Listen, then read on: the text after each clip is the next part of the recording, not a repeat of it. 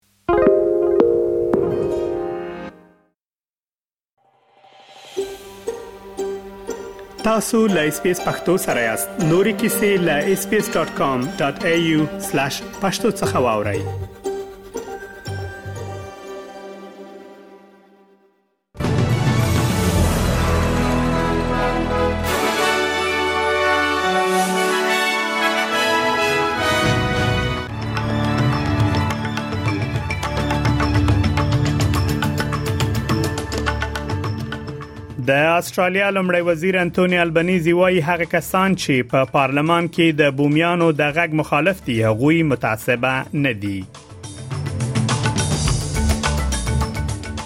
د لویدیځ استرالیا د لمړي وزیر له استعفا وروسته د یاد ایالت مرستيال راجر کوک ویلي تیار دی ترڅو د یاد ایالت مشري پر غاړه واخلي یو نوی راپور ښیي چې د استرالیا ډیری اوسیدونکو د خپل عاید یو زیاته برخه په کرایي کورونو کې ورکوي او تیر شپه د هند غوړه لیګ سیالي وروستۍ لوبه د چنای سوپر کینګز او ګجرات ټایټنز لوبډلو ترمنځ تر سره شوه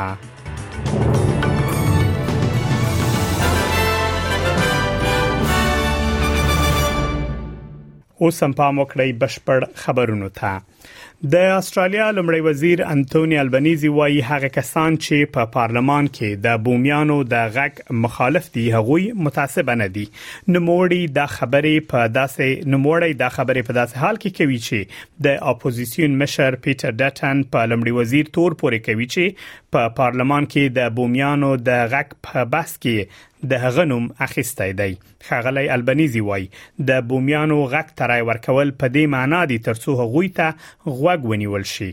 نوموړي ل 5AA رادیو سره د خبر پر مهال ویلي د ټولنې غړو ته غوږ نیول د یو رهبر کار دی هغه زیاتوي چې په نړۍ کې یوازنۍ پرمختللې اقتصاد استرالیا دی چې د استعماري ماضي سره رامنځته کېدو سره تر اوسه پورې په دغه هیواد کې اصلي اوسیدونکو یا لمرني خلک په رسمیت نه پیژندل کیږي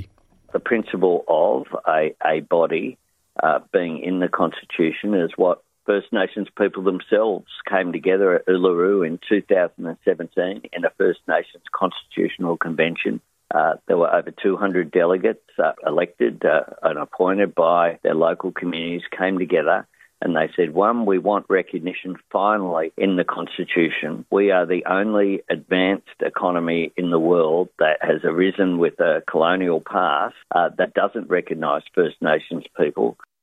د لویدیځ استرالیا د لمړي وزیر له استعفا وروسته د یاد ایالت مرستيال راجر کوک ویلي تیار دی ترڅو د یاد ایالت مشري پر غاړه واخلي د لویدیځ استرالیا لمړي وزیر مارک مکوون 13 ورځ په یو ناڅاپي ډول سره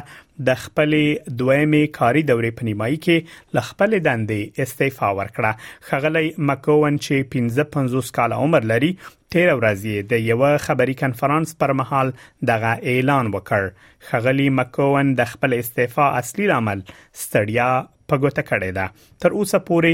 د نوموړي ځایناستي نه د ټاکل شوی مګر د لمړي وزیر مرستيال راجر کوک لمړی شخص دی چې دغه مسولیت لپاره خپل لاس پورته کړی همدارس د روغتیا وزیره امبر جید او د ترانسپورت وزیره ریټا له مختلف مخکښو نوماندانو څخه دي تر اوسه پورې معلومه نه ده چې د ګوند غړي به څه وخت ناسته وکړي ترڅو د یاد ایالت لپاره نوی مشر وټاکي د بخنی ل ملي ورځ وروسته په ټول هیواد کې د ملي پخلاینې اونۍ پیل شو دا اونۍ چې هر کال د می میاشتې له 28 مې څخه د جون تر 13 تر 3 نیټې پورې لمانځل کیږي موخه دا ده ترڅو د استرالیا د ابوریجنل او تورس سټریټ آیلندر خلکو د دوه تاریخي پریکړو یادونه پکې وشي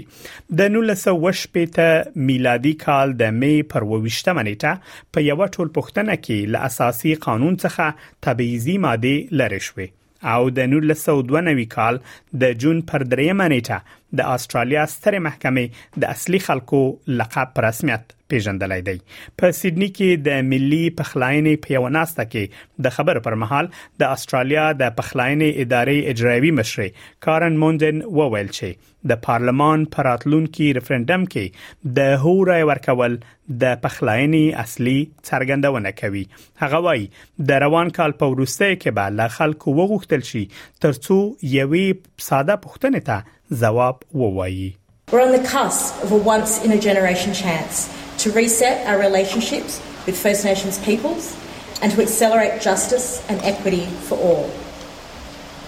Later this year, we'll be asked to answer a very simple question. It's a simple proposition that First Nations, Australia, First Nations people should have a say in the laws and policies that affect our lives and communities. And it's an aspiration that is at the heart of reconciliation. یو نوې څېړنه ښیي چې استرالیا به د ټکنالوژي په ډګر کې د چین او امریکا د سیالۍ په منځ کې گیر شي د لوی انسټیټیوټ لخوا خبر شوی راپور ښیي چې په سیمه کې د امریکا او چین ترمنځ سیالۍ کولای شي پر استرالیا ناوړه اغیزه ولري د یاد انسټیټیوټ د راپور لمخې د متحده ایالاتو هیله دا ده چې د مصنوي استخباراتو په برخه کې د چین د پرمختګ مخه ونیسي او یا پرمختللي چپونه جوړ کړي د استرالیا د استرالیا لپاره دا په دې معنی کې دی چې د دواړو هیوادونو په سیالي کې گیر راشي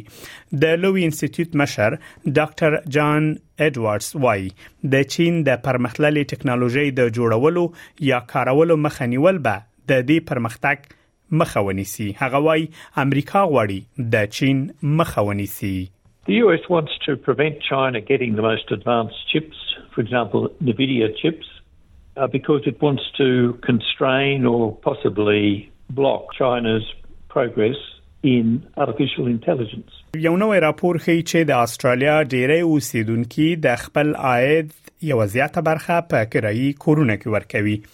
د کور لوجیک ادارې او ای ان زد بانک ګډ نوې راپور ښیي چې اوس مهال استرالیان د خپل عاید یو زیاته برخه د کورونو په کرایه کې ورکوي راپور ښیي چې روان حالت کم عاید لرونکي استرالیان د نورو په پرتله زیات زیانمن کړي دي کم عاید لرونکي استرالیان د خپل عاید یو 50.8 سلنه عاید په کرایه کې ورکوي مګر منځنۍ کچه استرالیان بیا د خپل عاید شاوخوا 10 سلنه په کرایه مصرفوي الیس د سیدنی په غرب کې ژوند کوي او له دوه نورو کسانو سره ګډ کور په کرایه نیولای دی مګر بیا هم د خپل عاید یو زیاته برخه په کرایه کې ورکوي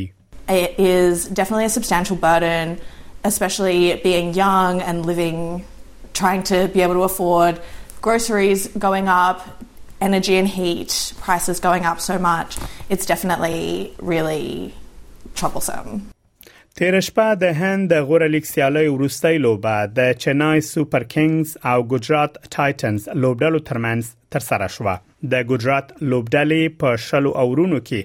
214 منډې وکړې خو د باران له کبله چې د لوبې د زند سبب شو د چنای لپاره هدف په 15 اورونو کې یو سلو یو بیا وټاکل شوې د چنای لوبډلې د لوبې په ورستۍ دوه توپونو کې لاسو منډو ته اړتیا درلوده او د هند ملي لوبډلې کینلاسي لوبغاړي روندرا جدیجا یو شپږیزه او یو څلوریزه ووهله او لوبه وګټله د افغانستان د ملي لوبډلې لوبغاړی راشد خان او نور احمد هم د ګجرات لوبډلې لوبغاړي و نور په دریو اورونو کې یوازې ولس منډي ورکړي او د سیالي لوبډلې دوه لوبغاړي وسوځول سره لدی چې راشد خان په ورستۍ لوبه کې خونه زلیده او په دریو اورونو کې څلور څلويخ منډي ورکړي خو هغه سکال د آی پی ایل سیالي تر ټولو د غوړه توپ نیونکي جایزه وګټله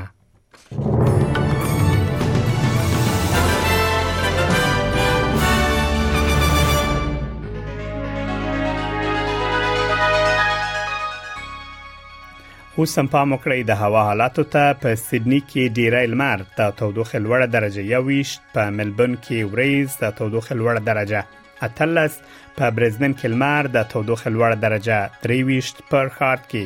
د باران امکان شته د تودوخې لوړه درجه 24 په جلیټ کې باران د تودوخې لوړه درجه 13 په داروین کې ډیری لمر د تودوخې لوړه درجه 13 کانبرا کې وریز د تودوخې لوړه درجه 15 په نیوکاسل ښار کې ډیری لمر د تودوخې لوړه درجه 21 او له استرالیا څخه بهر په کابل کې ډیری وریز د تودوخې لوړه درجه 21 او ټیټه لس په پیښور کې هم وریز د باران امکان شته د تودوخې لوړه درجه 9 او ټیټه 22 دا هم د استرالیي ډالر پر وړاندې د نورو اسعارو پای د استرالیا یو ډالر 15 شپېته امریکایي سنټه یو استرالی ډالر یو شپېته یورو سنټه او 350 بریټانوي پنسه د استرالیا یو ډالر 350 په هندیو کلدارو او یو سلو شپږتیا پاکستانیو کلدارو سره برابرېږي او د استرالیا یو ډالر و 50